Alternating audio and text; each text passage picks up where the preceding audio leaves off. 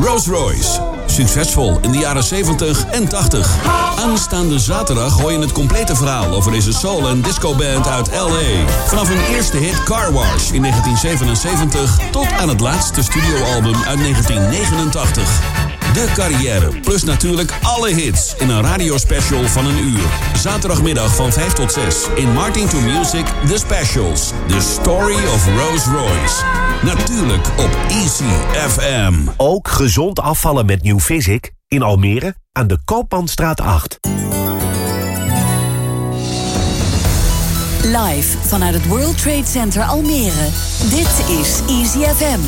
Met het nieuws van 8 uur. Goedenavond, dit is Edwin van het Geloof met het Easy FM nieuws. Utrecht is van plan om ook nachtwinkels en parken te sluiten na 10 uur. Afgelopen weekend ging het niet goed in de binnenstad. Na het sluiten van de horeca ging iedereen massaal op zoek naar alcohol.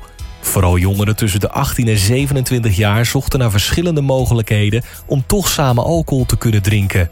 De burgemeester heeft daarom extra maatregelen aangekondigd. Door thuiszittende verkeersleiders komt mogelijk het treinverkeer in problemen. ProRail verwacht dat reizigers hier last van krijgen. Twee weken geleden trok de organisatie ook al aan de bel. Toen reden er geen treinen bij Dordrecht door een personeelstekort. Pas na een paar uur werden de diensten hervat. Ernst Kuipers van het landelijk netwerk Acute Zorg... denkt dat er nog meer maatregelen nodig zijn om het virus in te dammen. Momenteel is het aantal besmettingen per dag opgelopen naar zo'n 4584. De nieuwe maatregelen hebben nog niet voor een afvlakking gezorgd. Kuipers wil niet speculeren, maar de daling moet toch echt binnen een paar dagen gaan inzetten. Anders is een nieuwe lockdown niet uit te sluiten. Het weer.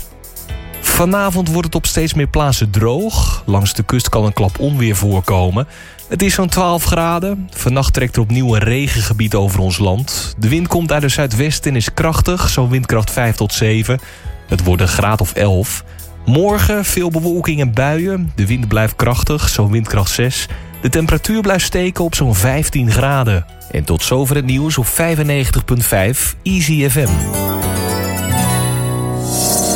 Bedrijf is bezig met de overgang naar de nieuwe, innovatieve digitale wereld. Maar wat is innovatie precies? En hoe realiseer je dat? In Easy FM Tech en Innovatie de belangrijkste techtrends en tips over hoe Almere zich klaarmaakt voor de digitale toekomst.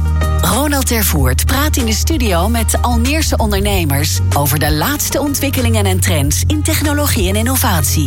Elke maandagavond tussen 8 en 9 op Easy FM. Jammer dat je dit niet kunt proeven door de radio. Ambachtelijk ijs van IJssalon Mariola. Zo lekker. Traditioneel bereid. En dat maakt iedere Mariola-smaak uniek. Mariola is na 22 jaar terug in Almere Centrum aan het Stadhuisplein naast bakwerk. En uiteraard nog steeds te vinden in Almere Haven tegenover de HEMA. Mmm, Mariola. Het allerlekkerste ijs van Almere. Ondernemen of vergaderen in Almere?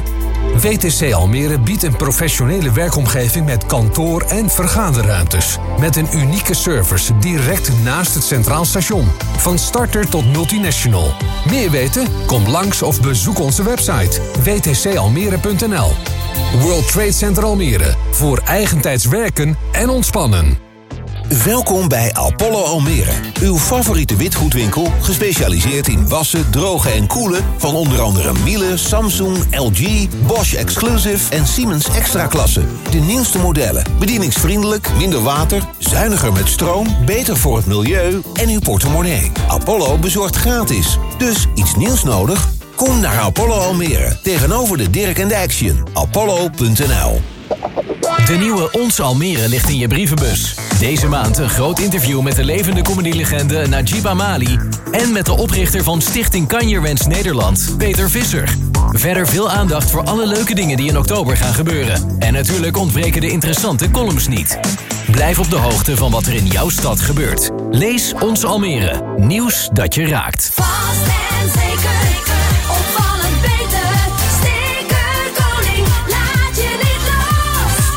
Een van Nederlands best gespecialiseerde drukkers op zelfklevende materialen plakt u uw logo rotsvast in de markt met Sticker Koning. Hittebestendig, waterbestendig, slijtagebestendig, los op vel of op rol voor elke campagne. Vraag direct een offerte aan en u heeft hem al binnen 24 uur in huis.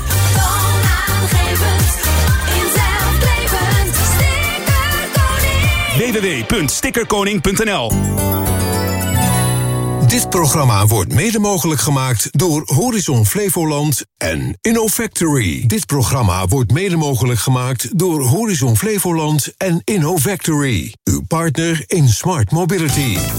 Music that makes you feel good. Dit is Easy FM. Easy FM.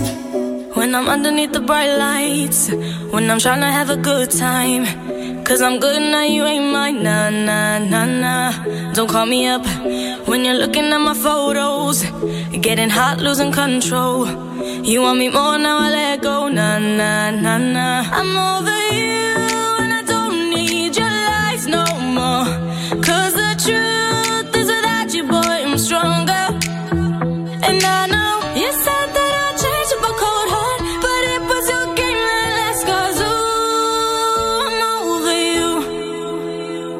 Don't call me up, I'm going out tonight. Feeling good now you're out of my life. Don't wanna talk about us.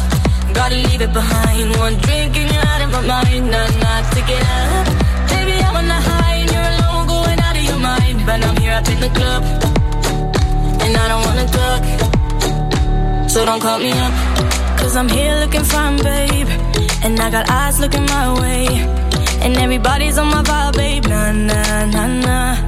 Don't call me up. My friend said you were a bad man. I should've listened to them back then.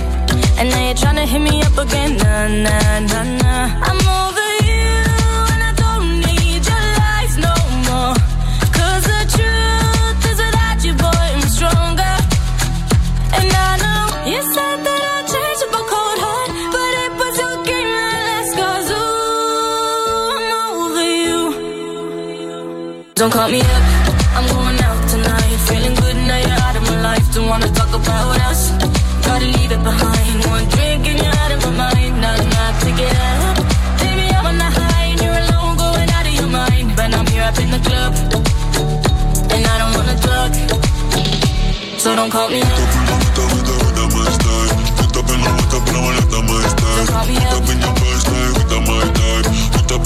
in your in the in the the my style, I'm in the race over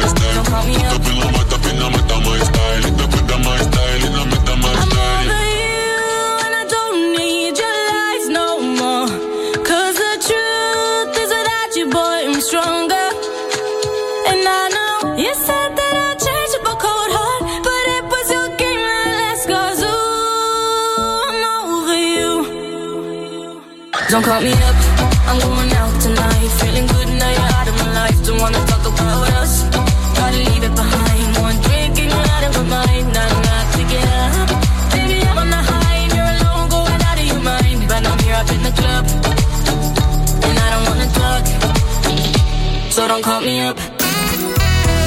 FM tegen innovatie met Ronald Tervoort.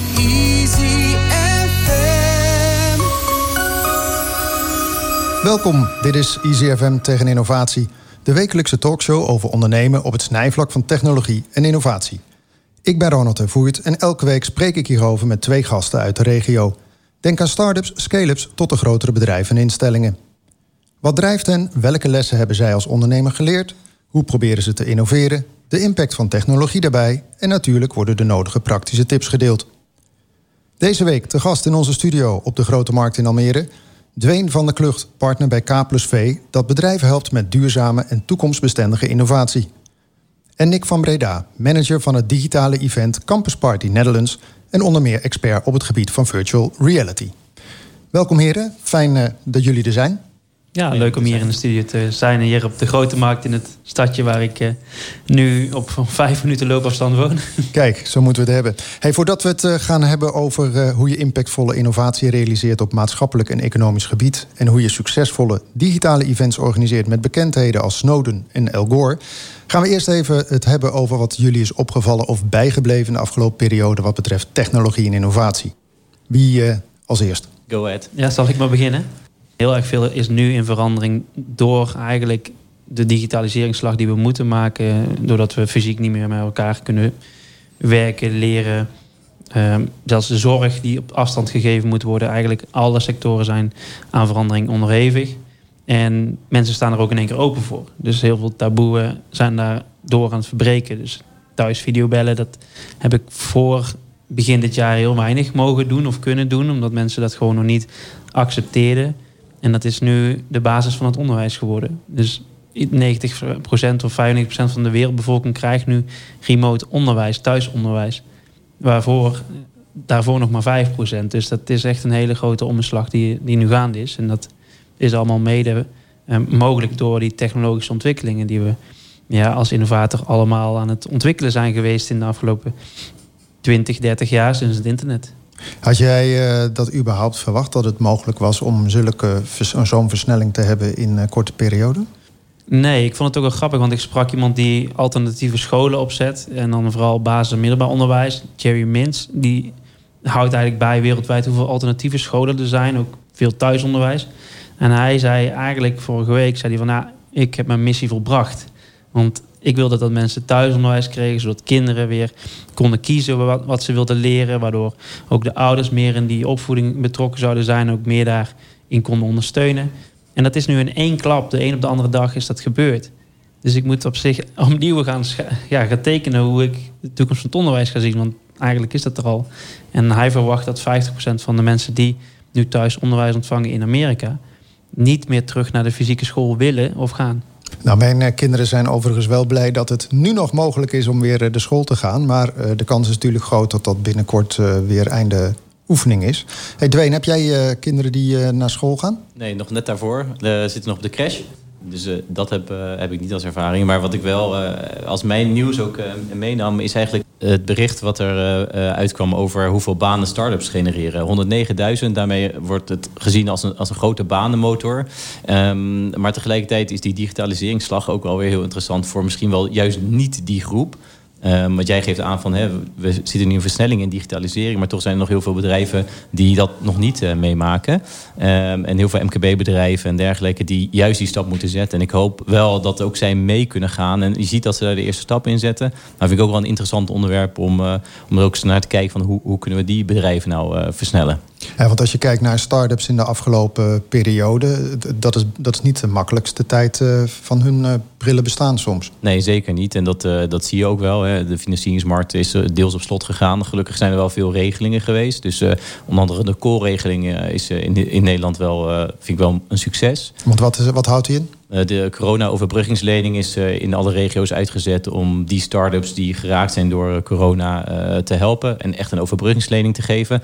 Tegelijkertijd is het ook spannend. Toen die werd ingericht, was niet de gedachte dat dit twee jaar zou gaan duren. Dus hoe lang kunnen die ondernemers door blijven gaan? Ook zelfs al hebben ze extra gelden gekregen. Ja, want eigenlijk een start-up is natuurlijk vooral bezig met kijken... we hebben een idee, hoe kan dat passen bij de markt? Nou, als je dan in één keer krijgt van... ja, de markt zit op slot... dan heb je ook niet veel bewijs dat je al omzet had eigenlijk. Hè? Dus je staat een beetje in niemands ja. land. Ja, precies. Dus je moet of een heel nieuw businessmodel creëren... dus echt een pivot maken, dan voldoende snelheid maken... om dat weer te valideren, te laten zien... en dan weer financiering op te halen. Daar heb je meestal wel andere aandacht voor nodig... En ja, de vraag is of die lening voor iedereen genoeg gaat zijn. En voor sommigen zal dat zeker wel zo zijn. En daarmee hebben we wel, uh, als Nederland zijn er veel, veel start-ups gered. Daar ben ik wel van overtuigd. Ja, je ziet er wel een groot verschil in welke start-ups het wel nodig hebben niet. Want ik had bijvoorbeeld in 2015 hadden we een onderwijshackathon. En daar kwam Proctor Exam uit.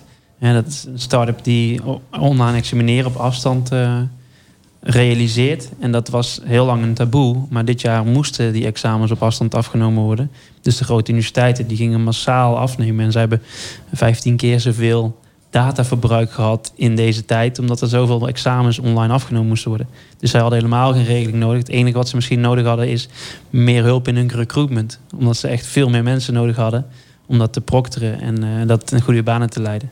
Interessant. Hey, Nick, kan jij eens in het kort schetsen wat jij doet? Hè? Wat staat er op jouw digitale visitekaartje? Ja, het is begonnen met, uh, met het organiseren van hackathons. Dus uh, sinds ik stopte met gamen in uh, 2013 eigenlijk... Was je ik- professioneel gamer of zo? En ja, ik was verslaafd gamer. Ik was niet zo professioneel nog, maar ik, ja, ik, ik speelde een spel genaamd RuneScape en dat was nogal verslavend. En daar eh, heb ik ja, meer dan 400 dagen in besteed in dat virtuele spel. Dus 10.000 uur in dat spel eh, getraind. Ehm, maar dat ging over van alles aan nog wat. Het ging over koken tot aan farmen. En, eh, eigenlijk alle skills die je in de echte wereld ook hebt. Eh, daar heb ik een beetje van geleerd door dat spel. Een soort van simulatie van de echte wereld. Ja, ik ben ermee gestopt en ik ben toen events gaan organiseren. En dat waren voornamelijk landparties voor het goede doel. Dus 24 uur in één stuk achter een computer zitten voor het goede doel. Ja, wat doe je dan? Je bouwt iets waar iemand anders een behoefte aan heeft. Dus dat kan een, overheid zijn, een gemeente zijn. Met bijvoorbeeld een leraartekort. Met bijvoorbeeld eh, een, ja, een, die een oplossing zoeken op, op de bioklok van, eh, van jongeren in het onderwijs. Van hoe ga je nou iedereen een gepersonaliseerd lesrooster geven? Er kwamen heel veel verschillende casusvragen vanuit de crowd, vanuit burgers. En wa- kwamen heel veel organisatievragen. En die, die kan je dan oplossen in zo'n hackathon. Dus in 24 uur met een groep jongeren, ook gamers, maar ook designers, developers, business. Eigenlijk een soort van studenten. snelkookpan en dan tot een oplossing komen voor een eh, geschetst probleem. Ja. En- En hoe kwam jij van, eh, van die gedachte dan, hè, van, dat, van dat gamen naar deze stap? Daar vind ik- ben ik wel heel benieuwd naar. Ik heb een persoonlijke transitie doorgemaakt door het overlijden van veel mensen om mij heen. Veel familieleden eh, aan onder andere kanker en onder andere zelfmoord. En voor mij was uiteindelijk de druppel eh, ja, die, die de emmer liet overlopen... dat mijn oom ehm, met kanker kwam. hij, ging, hij was gepensioneerd, hij kreeg heel snel daarna kanker. En toen eh, heeft hij het witte licht gezien in, eh, op de intensive care. En hij werd wakker en zegt: Ik heb nog nooit zoiets moois gezien.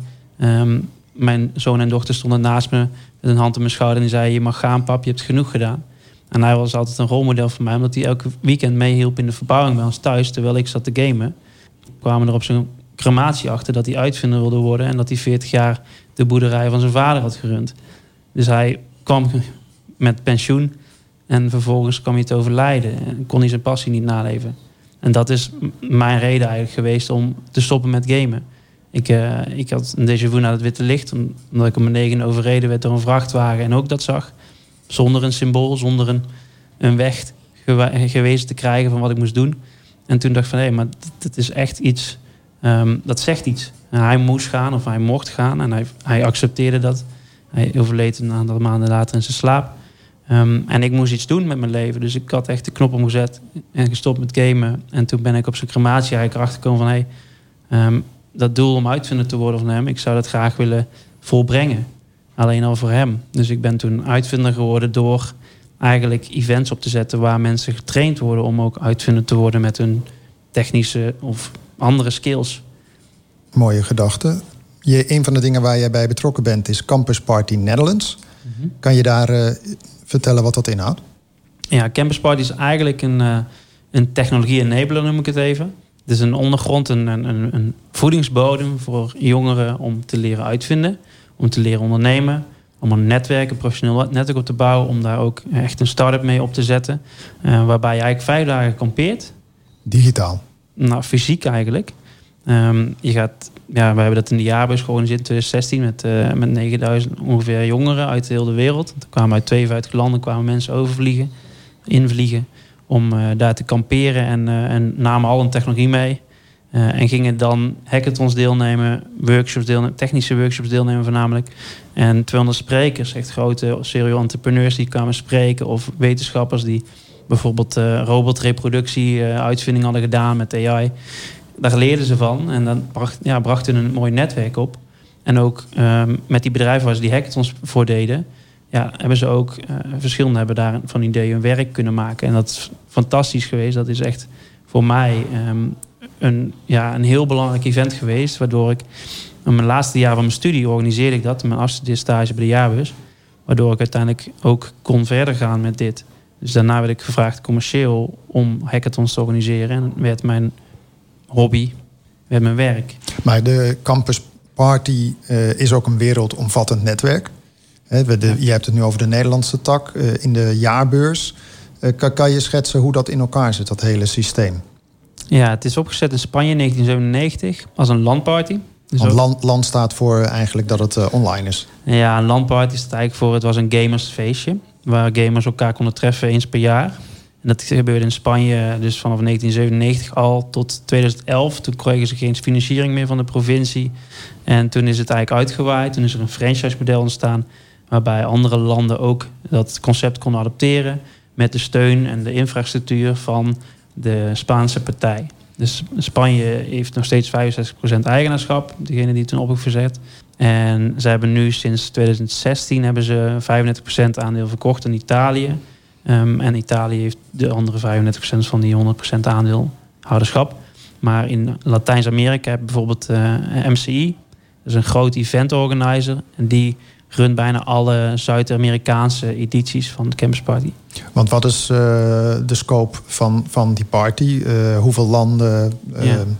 Er zijn nu ehm, 28 landen, als ik het goed zeg, die een lokale editie hebben georganiseerd. Echt eh, die fysieke ed- editie. En er zijn er dit jaar eh, een aantal bijgekomen. Er zijn er dit jaar 31 edities geweest digitaal, volledig digitaal, omdat het gewoon niet anders kon. En ehm, we hopen komend jaar echt 50 edities te kunnen organiseren. Maar dat, normaal heb je dus één editie in een land ergens in het jaar. Dus daar waren er meestal zes of zeven over heel de wereld in één jaar. En nu in dit jaar zijn het er een keer 31 in één jaar geworden. Dus het is nogal, nogal opgeschaald. En online, ja, je kan veel meer bezoekers bereiken. Ondanks die festival vibe natuurlijk heel anders is dan fysiek. Maar we hebben anderhalf miljoen mensen bereikt met, eh met 2.500 sprekers. Waar ja, je dat niet in je eentje kan organiseren als land. We hadden 85 sprekers in Nederland. En alle landen bij elkaar opgeteld hadden we 2614 sprekers. Waaronder El Gore en Snowden. Waaronder Prins Constantijn hier in Nederland. Eh, en ieder land kon zijn beste sprekers aanreiken. En dat werd gedeeld op een global main stage. Dus dat kon, iedereen kon dat gratis bijwonen.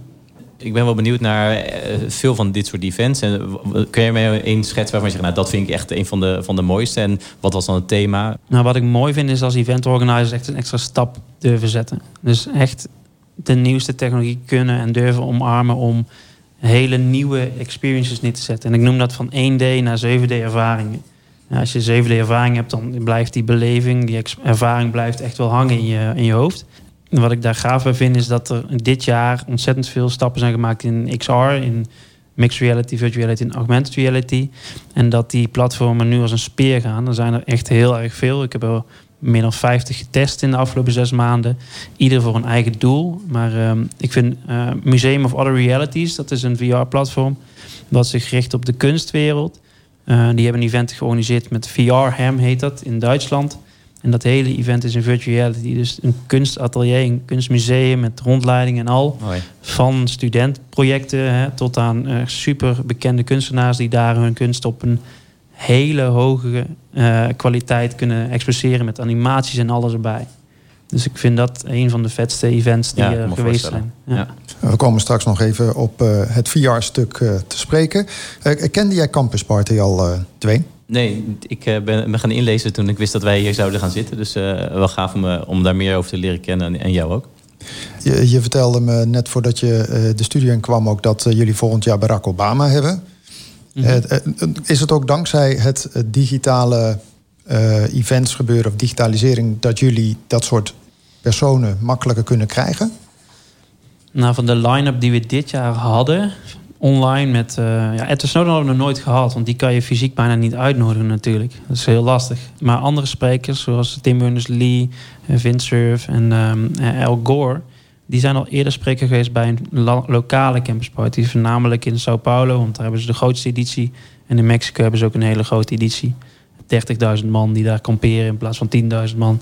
Eh 100.000 bezoekers die er dan een dagje langskomen. In plaats van ehm, ja, 1500 man hier in Nederland. Kinderen die eh, even een dagje meepakken. Ehm, dus het gaaf was, dus die wilde iets terug doen. Omdat er gewoon moeilijke tijden zijn nu. Bij Campus Party lukt het bijna altijd om van de 200 sprekers 190 sprekers gratis te komen laten spreken. En ik denk dat de Next Web en andere events zoals Web Summit dat ook wel voor elkaar krijgen.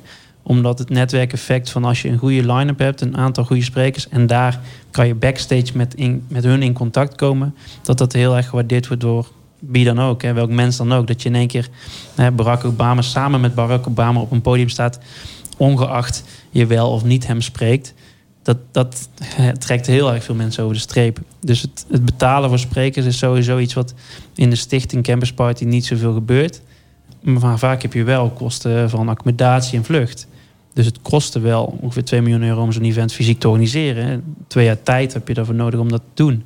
Aan sponsorwerving en, en alle activiteiten die, eh, die erbij komen kijken. En nu hadden we het in zes weken met 31 landen georganiseerd. Met 2.500 sprekers en anderhalf miljoen bezoekers. Ja, dat is natuurlijk heel anders organiseren en heel veel andere impact dat we, dan dat we eerder hebben gehaald. En wat is het businessmodel erachter? Want ergens moet er ook geld verdiend worden of het moet betaald worden. Ja, dus je ziet ehm, dat de, de landparty, de ideologie van een landparty, van een feestje 24 uur per dag doorgaat. Waarbij je dus kampeert, eh, kan gaan slapen wanneer je wil. Dat, dat, ehm, dat het 31% van die gamers eh ICT'er worden. Of ICT'er al zijn. Dus er zijn voornamelijk technologiebedrijven, zoals Google en Apple en eh, YouTube, die dit jaar eh, een grote sponsor was. Die zeggen van hé, hey, wij willen graag die tech-talenten aanspreken.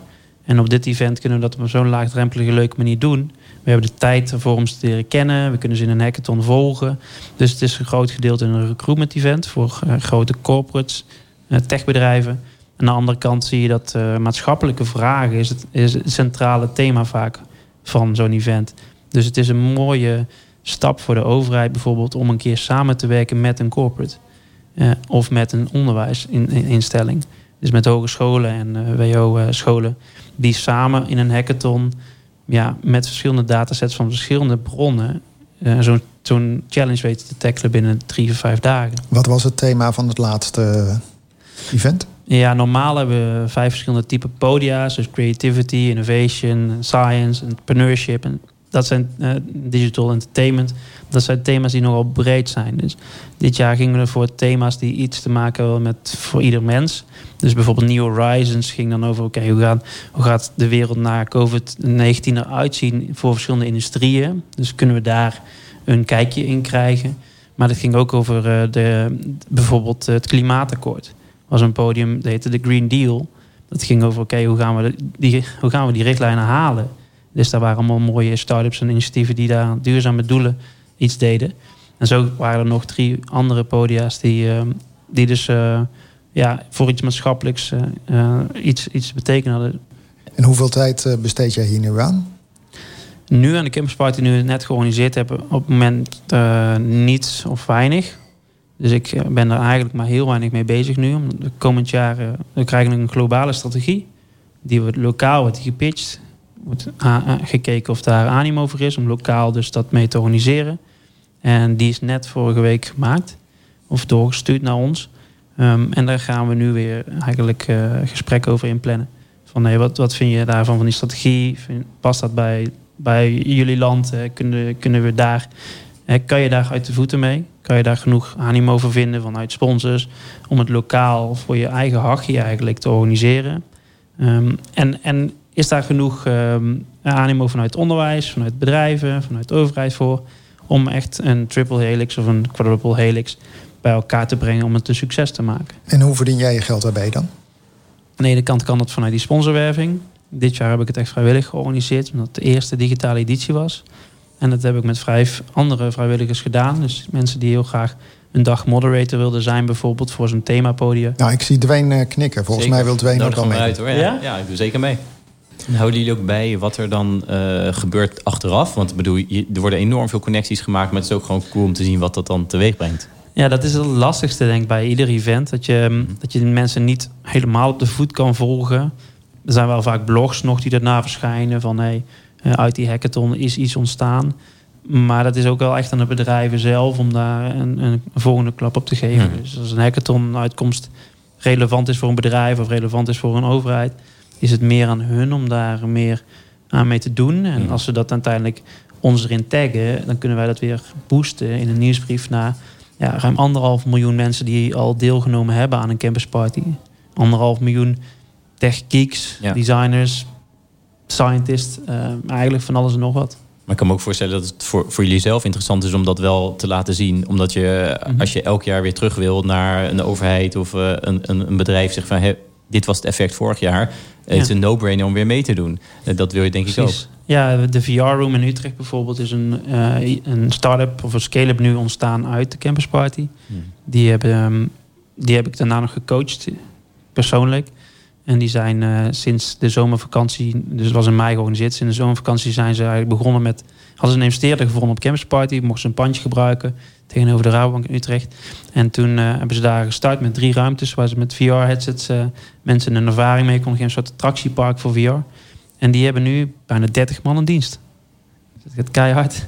En ze hebben drie locaties. en ze gaan, ja, ze gaan maar door. Dus dat, dat is wel een van de succesverhalen van die editie toen. Ja, cool. Easy FM Tech en Innovatie met Ronald Tervoort. Easy FM. Leuk dat je luistert naar EasyFM Tech en Innovatie. De wekelijkse talkshow over ondernemen op het snijvlak van technologie en innovatie. Vanavond in de studio Dwayne van der Klucht, partner bij K plus V... dat bedrijven helpt met duurzame en toekomstbestendige innovatie. En Nick van Breda, manager van het digitale event Campus Party Netherlands... en expert op het gebied van virtual reality. Hey, nog eventjes bij jou, Nick, voordat we dadelijk naar Dwayne gaan. Ehm, jij noemde net al een aantal keren VR. Dat is een van de gebieden waar je ook in actief bent. Hoe staat het ermee qua VR? Want ik hoor al jaren VR, VR. Ja. ja, ik zou heel graag willen weten hoe bijvoorbeeld een Facebook... eh, hoeveel Oculus Quest die dit jaar heeft verkocht. Dat zijn cijfers die ze gewoon nog niet blootgeven... omdat ze natuurlijk een concurrent hebben, PlayStation VR...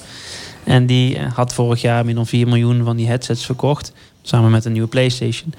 Dat hebben ze nog niet bekendgemaakt. Maar ze hebben net een nieuwe Oculus eh, Quest 2 gelanceerd. Die zo goedkoop is. Dat, ja, dat die pre-orders er nu eh, heel hard uitgaan. Dus ik denk dat we op de 20, 25 miljoen headset gebruikers zitten. Met VR. En dat ligt ook voornamelijk aan de contentmakers. Dus de spellen die er ontwikkeld. Beat Saber is een bekend spel wat heel erg veel gespeeld wordt.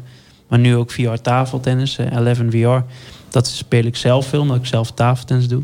Ehm, en dan kan je dat toch nog, ongeacht de coronamaatregelen, kan je dat thuis blijven uitoefenen tegen andere landen, tegen goede spelers uit andere landen die ook fysiek tafeltennissen. Dus Want wij, wel- zouden zeg maar gewoon kunnen potje pingpongen of eh. Dwayne met jou.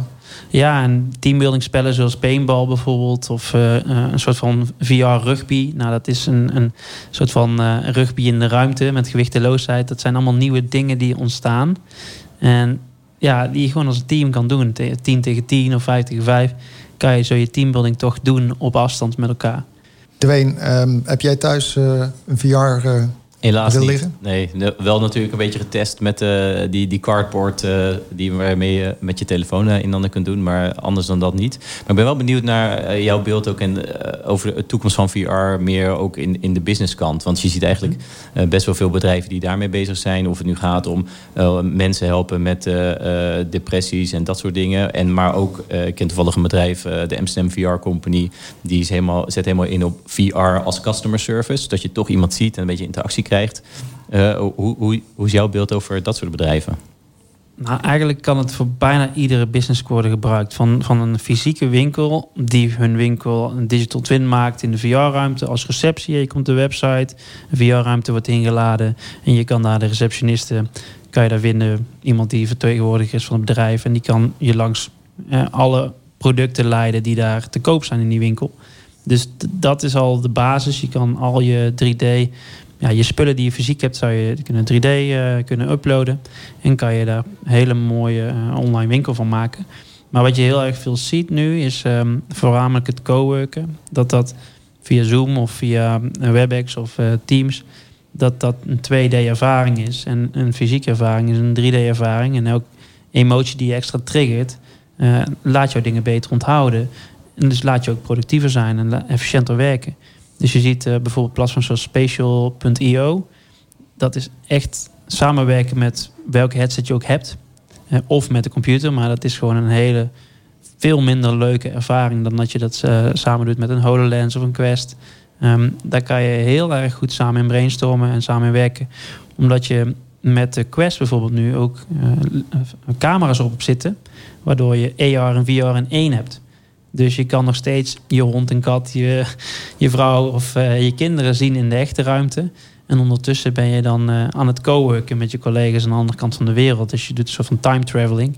Uh, het scheelt ontzettend veel tijd en je bent ontzettend veel effectiever en efficiënter door op die manier te werken. Ook leren gaat vier keer efficiënter in VR, omdat je gewoon dus alle zintuigen kan prikkelen en learning by doing ja, helemaal na kan bouwen. Dus die dure labs. Labster is een platform dat meer dan duizend universiteiten al gebruiken. Die hebben hele dure labs, medische labs bijvoorbeeld, biologie labs, hebben zij in VR gemaakt. En dat scheelt ontzettend veel kosten voor een universiteit om een, een echt lab te bouwen. Uh, en daar gaan ze al in uh, examineren. Dus daar, daar, kan je je eindexamen al in doen. Dat zijn van die gigantische grote verschuivingen die nou plaatsvinden. En um, ja, voor ieder bedrijf kan je weer een doel aan. Maar is dat niet ontzettend kostbaar? Want dat was volgens mij tot een paar jaar geleden. De headsets waren behoorlijk duur. En uh, vervolgens had je te maken met het feit dat je het uh, moest gaan bouwen in VR. En want daarom was augmented reality met hè, de mix van een virtueel en een echte wereld... was in één keer natuurlijk uh, een soort van een mooi. Dat scheelt weer tijd en geld. Maar, maar dat, dat speelt nog steeds of is het stuk goedkoper geworden dan? Het is, het is een groot gedeelte is open sourced. Dus um, de programmeertaal Unity is een open source taal. Daar wordt heel veel gebruik gemaakt van. Um, je kan ook wel WebGL. Je kan het als het ware zeggen van nou, als jij nou in de browser voor iedere device toegang kan bieden tot die wereld. Dus voor je telefoon, voor je laptop of voor een VR headset. Dat heet dan WebGL, WebVR noem ik maar even. Dan zie je dat die adoptierate echt super snel gaat. En Mozilla Hubs is een open source platform bijvoorbeeld, waarbij je in 6 tot 12 uur een simulatie van een concept kan bouwen zonder technische skills. Ja, Dwayne die loopt hier te knikken. Ja, die, uh... nou, ik vind, wat, ik, wat, ik, wat daarbij nog heel erg mooi is, hè, jij hebt het over de kosten, is, is dat, dat je ook wel ziet, en dat zag ik eigenlijk vorig jaar al bij een aantal initiatieven rondom VR, maar dat wordt nu versneld door corona, is dat uh, de, het duurzaamheidsaspect eigenlijk een soort van. Dat, je, dat pikken we gewoon zomaar mee. Dus hè, je hebt het over trainingen en dergelijke. Ik weet een aantal corporates die normaal gesproken iedereen naar Amsterdam, Londen, ja, je neemt het uh, vliegen. Um, en die doen dat nu via VR. Die trainingservaring is goed. Uh, de effecten voor, qua leren zijn even goed. Uh, maar we hoeven ze niet allemaal uh, heel de wereld over te vliegen. En dat, dat vind ik mooi aan dit soort innovatie. Dat je niet alleen aan digitaliseren bent, maar ook gewoon een duurzaamheidseffect ziet. Ja, en als je kijkt naar platformen zoals Vecta.nl, dat is een mooi Nederlands start-up. Ja, die, zijn zo hard, die zijn zo hard gegroeid. Die zijn gelanceerd begin, begin dit jaar. Meer dan anderhalf miljoen gebruikers van dat appje. Gratis appje om het AR te consumeren. Dus als jij een les opneemt voor een greenscreen en je uploadt hem naar Vector en dat kost 5 euro in de maand.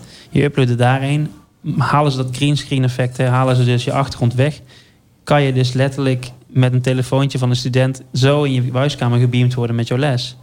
En als je daarover wil praten, over die les, kan je een linkje aanmaken waardoor je met z'n vier of vijf ook in die simulatie kan staan met elkaar en kan praten. En ook objecten kan pakken en bewegen. Dus dat uh, maakt het zo laagdrempelig en zo goedkoop voor onderwijs, voor musea die nu naar mensen toe komen hè, met dinosaurussen en alles waar ze, um, waar ze 3D-modellen van hebben. En ik ben, ben benieuwd, hè. ik ben veel bezig met uh, uh, bedrijven die die eerste stappen naar digitalisering willen zetten, uh, maar vaak niet weten hoe ze, hoe ze dat moeten doen. Stel, zij denken, hey, misschien concurrenten wel, of ergens in het buitenland zien ze concurrenten iets met VR doen, denk ik, nou, dat kunnen wij in Nederland ook. Wat zijn nou de eerste stappen die zo'n bedrijf moet zetten? Nou, ik, ik werk veel met event organizers dus. Dus voor mij gaat het over welke doelen had je mm-hmm. en welke gaan we dus realiseren. Welke doelen heb je sowieso? Heb je trainingsdoelen? Heb je uh, verkoopdoelen? Heb je eventdoelen, interactiedoelen eigenlijk? Een soort van sociale cohesiedoelen. Die doelen wil je minimaal uh, even goed doen als in, het echt, in de echte wereld. Mm-hmm. Um, dus je moet minimaal die 3D-ervaring die je in de echte wereld hebt nabootsen. Dat kan niet in, op een scherm, dat kan niet in 2D. Wat je wel kan doen is naar 2,5D, dus een soort van game maken. Mm-hmm. Um, zodat mensen dat met een pijltjestoetje snel leren begrijpen. Dus je kan het, om, als je web VR als het ware inzet, kan je het sneller um, mensen aanleren. Um, vervolgens kan je het ook met een headset op. Uh, veel fijner gebruiken. Maar misschien voor, voor veel van de klanten die ik help, die hebben misschien wel nul VR-ervaring, maar die zien wel die kans. Mm-hmm. Dan is het misschien zo, oh ja, eh, deze mo technische mogelijkheden is voor, voor hen misschien al bijna te ver van hun bed. Mhm. Eh, wat raad je hen dan aan? Mo- Waar, kun je, waar moeten ze dan de eerste informatie aan doen? Of zeg je dan eigenlijk van als je op dat niveau zit, wacht dan nog even? Nee, we hebben met 650 XR developers hebben we een lijstje gemaakt. Eigenlijk een crowdsourced lijstje van best practices per platform. En is, ik heb nu 190 platformen in dat lijstje staan. Ehm, daar heb ik er 50 zelf voor getest en ook best practices bij gezet. Dus wat ik doe eigenlijk is, ik stuur dat onderzoek, ik stuur onderzoeksgegevens door van de effecten van VR, die door PwC bijvoorbeeld zijn eh, onderzocht. Ehm, ik stuur onderzoekseffecten door vanuit Facebook die onderzocht zijn. En ik stuur een lijstje door, zodat ze even kunnen oriënteren wat de mogelijkheden zijn. Want ieder platform wordt van eigen doeleinde gebruikt. Mhm. Voor de bouw, voor verkoop, voor events, eh, voor teambuilding. Alle andere verschillende apps en platformen die staan in dat lijstje. En dan kunnen ze in ieder geval alvast eh, rondneuzen. Ja. En dan meestal een week of twee later zeggen ze... "Wauw, wauw, dit is, we moeten aan de gang. Dus eigenlijk is het een eh, kwestie van eh, stappen zetten, experimenteren en dan landt het vanzelf. eh. Ja, het is ook fijn dat er nu dus een spreadsheet is. Want het is echt een hoop uitzoekwerk. Ja. Als, je, als je al uit moet zoeken welke tool je voor videobellen ging gebruiken met elkaar. Hè? Waarom Teams of waarom Zoom of wat. wat.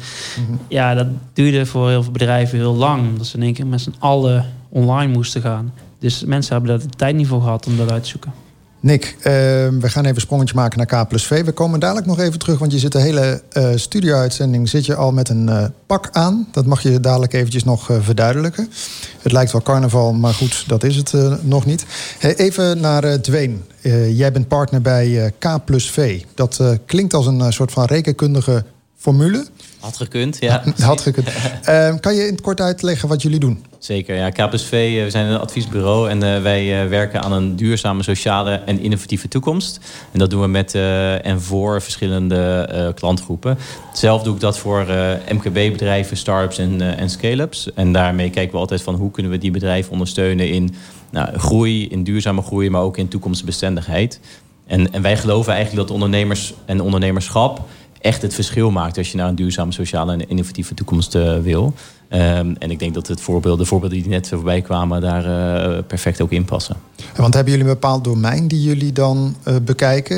Eh, je hebt dat bij investeerders vaak. Maar, maar hebben jullie een bepaalde hoek of is het ondernemerschap? Het is, het is eh, bre- breed ondernemerschap. waarbij we, als je, als je kijkt naar waar wij goed in zijn, is die stip aan de horizon heel scherp krijgen bij een ondernemer. En die vertalen naar stappen. Wat moet je vandaag doen?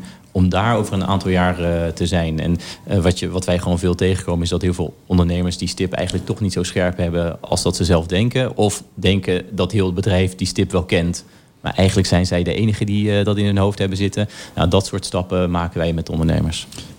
Net vroeg je aan Nick van wat zijn dan de eerste stappen die je moet gaan zetten. Ehm, hoe zit dat bij jullie?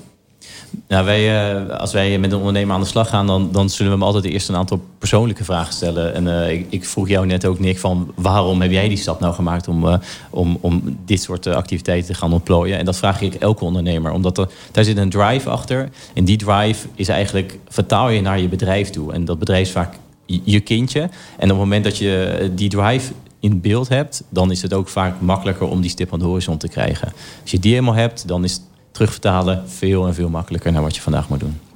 En vervolgens geven jullie ze ook handvatten om vervolgens echt die stappen te maken? Of... Ja, ja, dus we hebben gewoon een aantal simpele tools waarmee we... eh, eigenlijk, wij noemen het de one-page strategy. Dat is de ene kant van je A4'tje. Daarin staat waar je naartoe wilt en hoe je dat eh, gaat doen. Waar je, de regels waar je aan wil houden eigenlijk als bedrijf.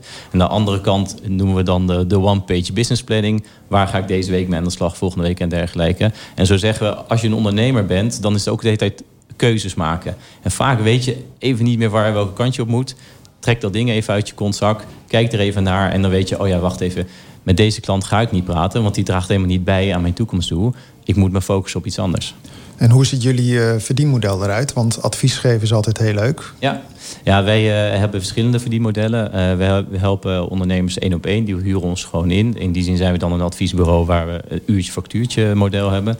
Maar wij bouwen ook heel veel publiek-private samenwerkingen. Onder andere ook hier in de regio hebben wij het Ready to Scale programma.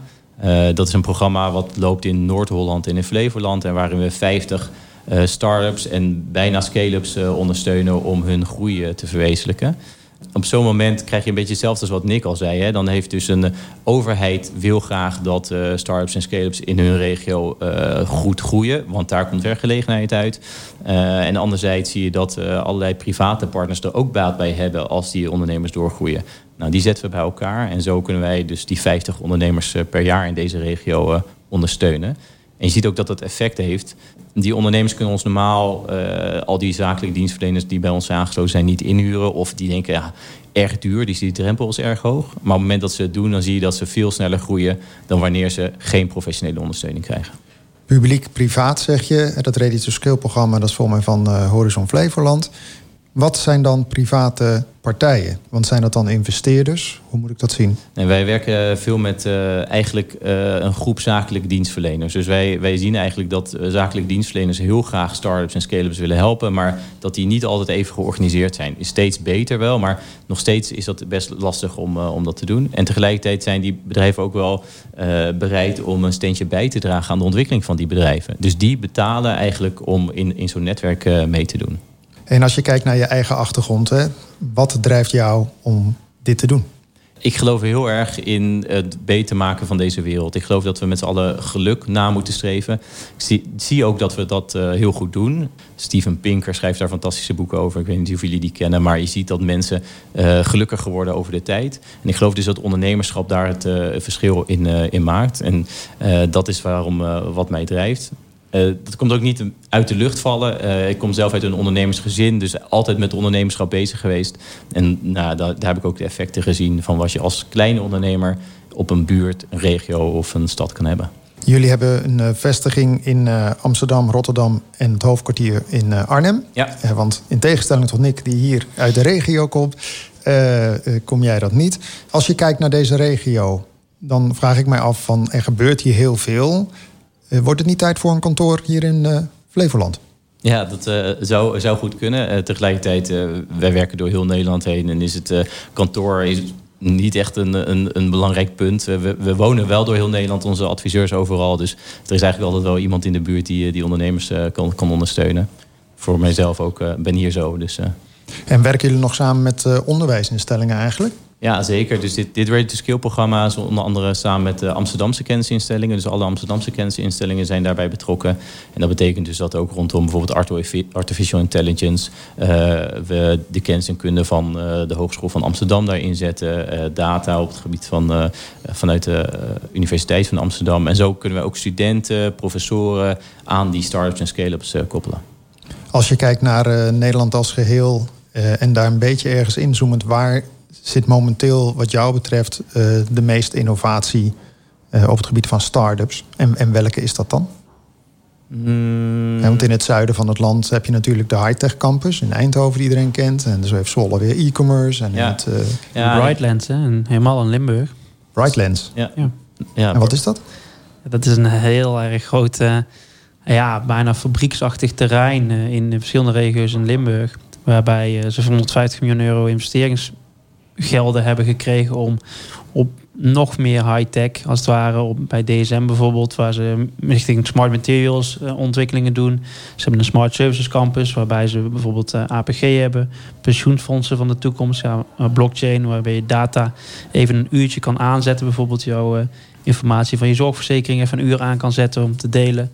Allemaal dat soort campussen zitten in Limburg. Echt hele vette campus. Jullie zijn er ook bij betrokken als ik zo naar jou ja, uh, ja, zeker. kijk? Ja, nee, we, kennen, de, uh, ja, we, we, werken in heel Nederland dus ook daar. Dus de campussen kennen we goed. De, de Gemmelot campus, de Smart Services campus. Ja, Venlo, de, de Greenport. En, en die, die, dat zegt eigenlijk heel veel over hoe we in Nederland georganiseerd zijn... wat innovatie betreft. We zijn heel regionaal georganiseerd. En dat, dat creëert eigenlijk in elke provincie een, een, een, een mooie hub en mooie innovatiekracht... Horizon is, is, is hier uh, goed actief. Nou ja, zo heb je ze eigenlijk door heel Nederland bijna wel. Um, het zegt ook iets over waar we misschien wat minder goed in zijn. En, en dat betekent namelijk dat elke regio gaat concurreren met een andere regio. En ik denk dat een van de vervolgstappen in een soort van de evaluatie van de innovatie in Nederland is... hoe gaan we er nou voor zorgen dat al die krachten samen ervoor zorgen... dat we als Nederland beter op de kaart komen? Ja, wat Prins Constantijn ook mooi zegt is van... wij zijn een land met globale oplossingen...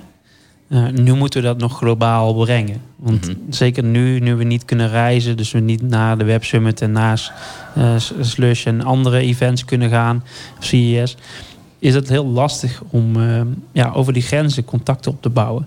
Behalve als die events gewoon doorgaan. En digitaal een alternatief opzetten, zodat je die contacten wel kan maken. Dus de Next Web is afgelopen twee dagen geweest. 25.000 man bij elkaar gebracht. Op één toeltje genaamd Hopin. Die jij en ik in een half uurtje kunnen klaarzetten.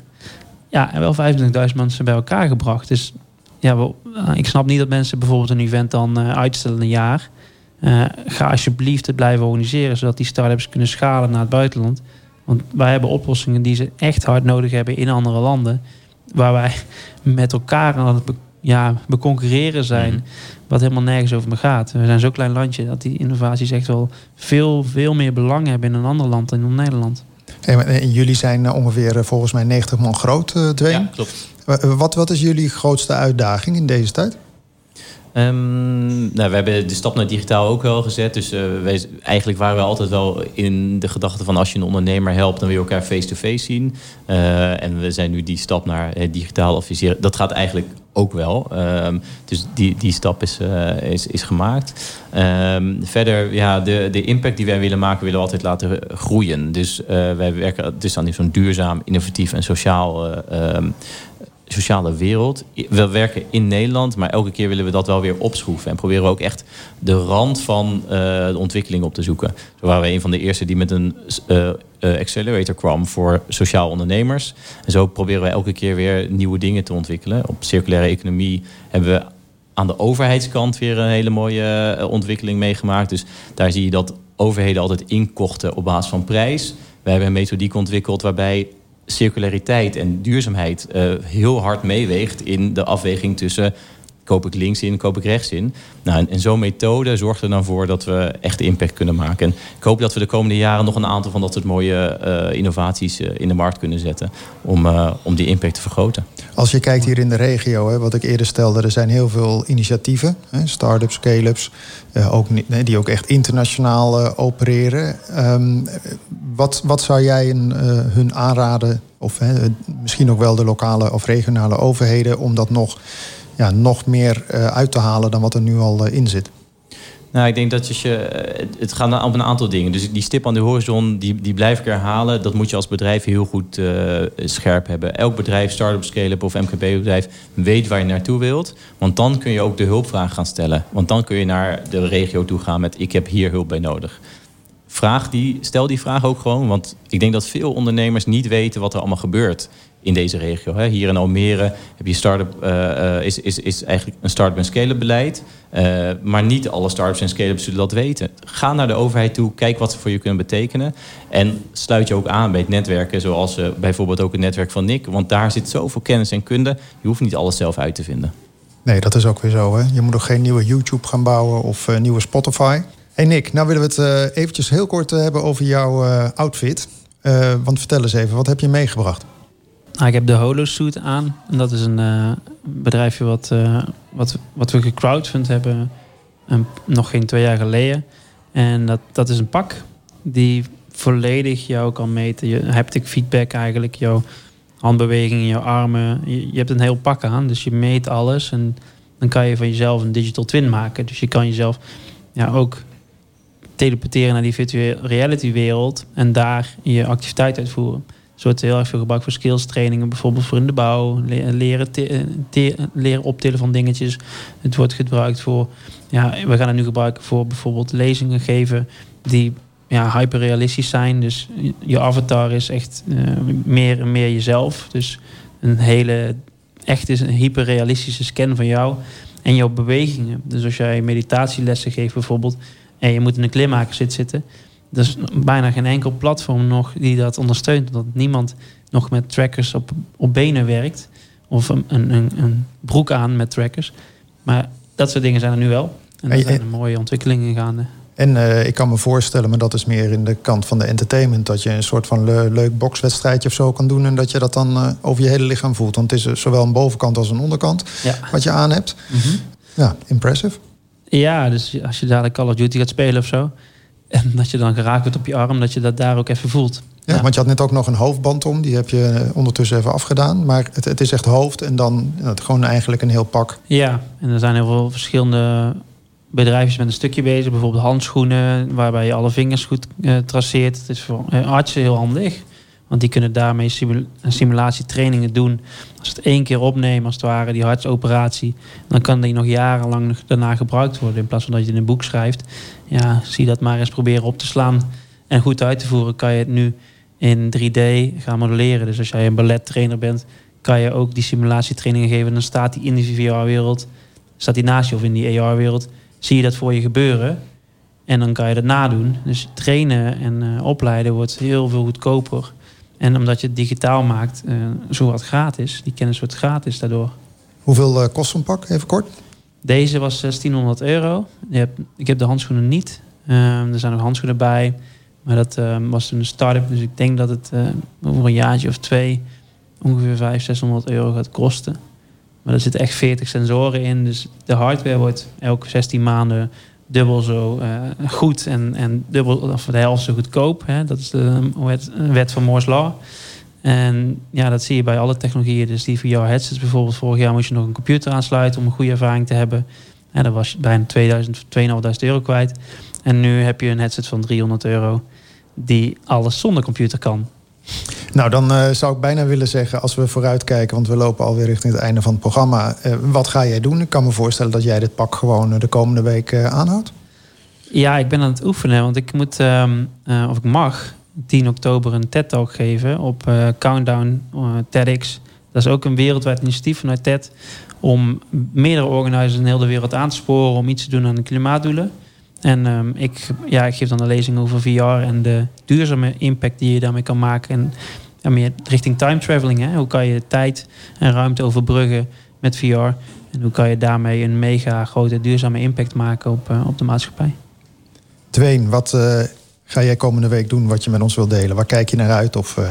Ja, dinsdag hebben wij weer een uh, mooie bijeenkomst van Ready to Scale. Wij noemen dat innovatiecomité's. En dan ondernemers die nieuw toetreden tot het netwerk... presenteren eigenlijk aan uh, al onze partners wat hun goede uitdagingen zijn. En uh, dinsdag staan er weer zes op het podium, digitale podium. En ja, daar kijk ik altijd heel erg naar uit. Omdat we aan het eind van zo'n dag zes ondernemers die mij inspireren hebben gezien. Maar tegelijkertijd ook zes ondernemers verder helpen, kunnen helpen bij hun, hun uitdagingen. En het, het netwerk kunnen bieden om te groeien. Dank jullie wel, heren. Dank Dwayne van der Klucht, partner bij K plus V... en Nick van Breda, onder andere verbonden aan Campus Party Netherlands en VR-expert. Wil je ons een berichtje sturen of heb je nieuws op het gebied van technologie en innovatie? Mail dan naar redactie.easyfm.nl. Straks om 10 uur is Rosa Gier met Soul in Airbnb. Tot die tijd kun je genieten van jouw relaxte muziekmix op ECFM. Graag tot volgende week.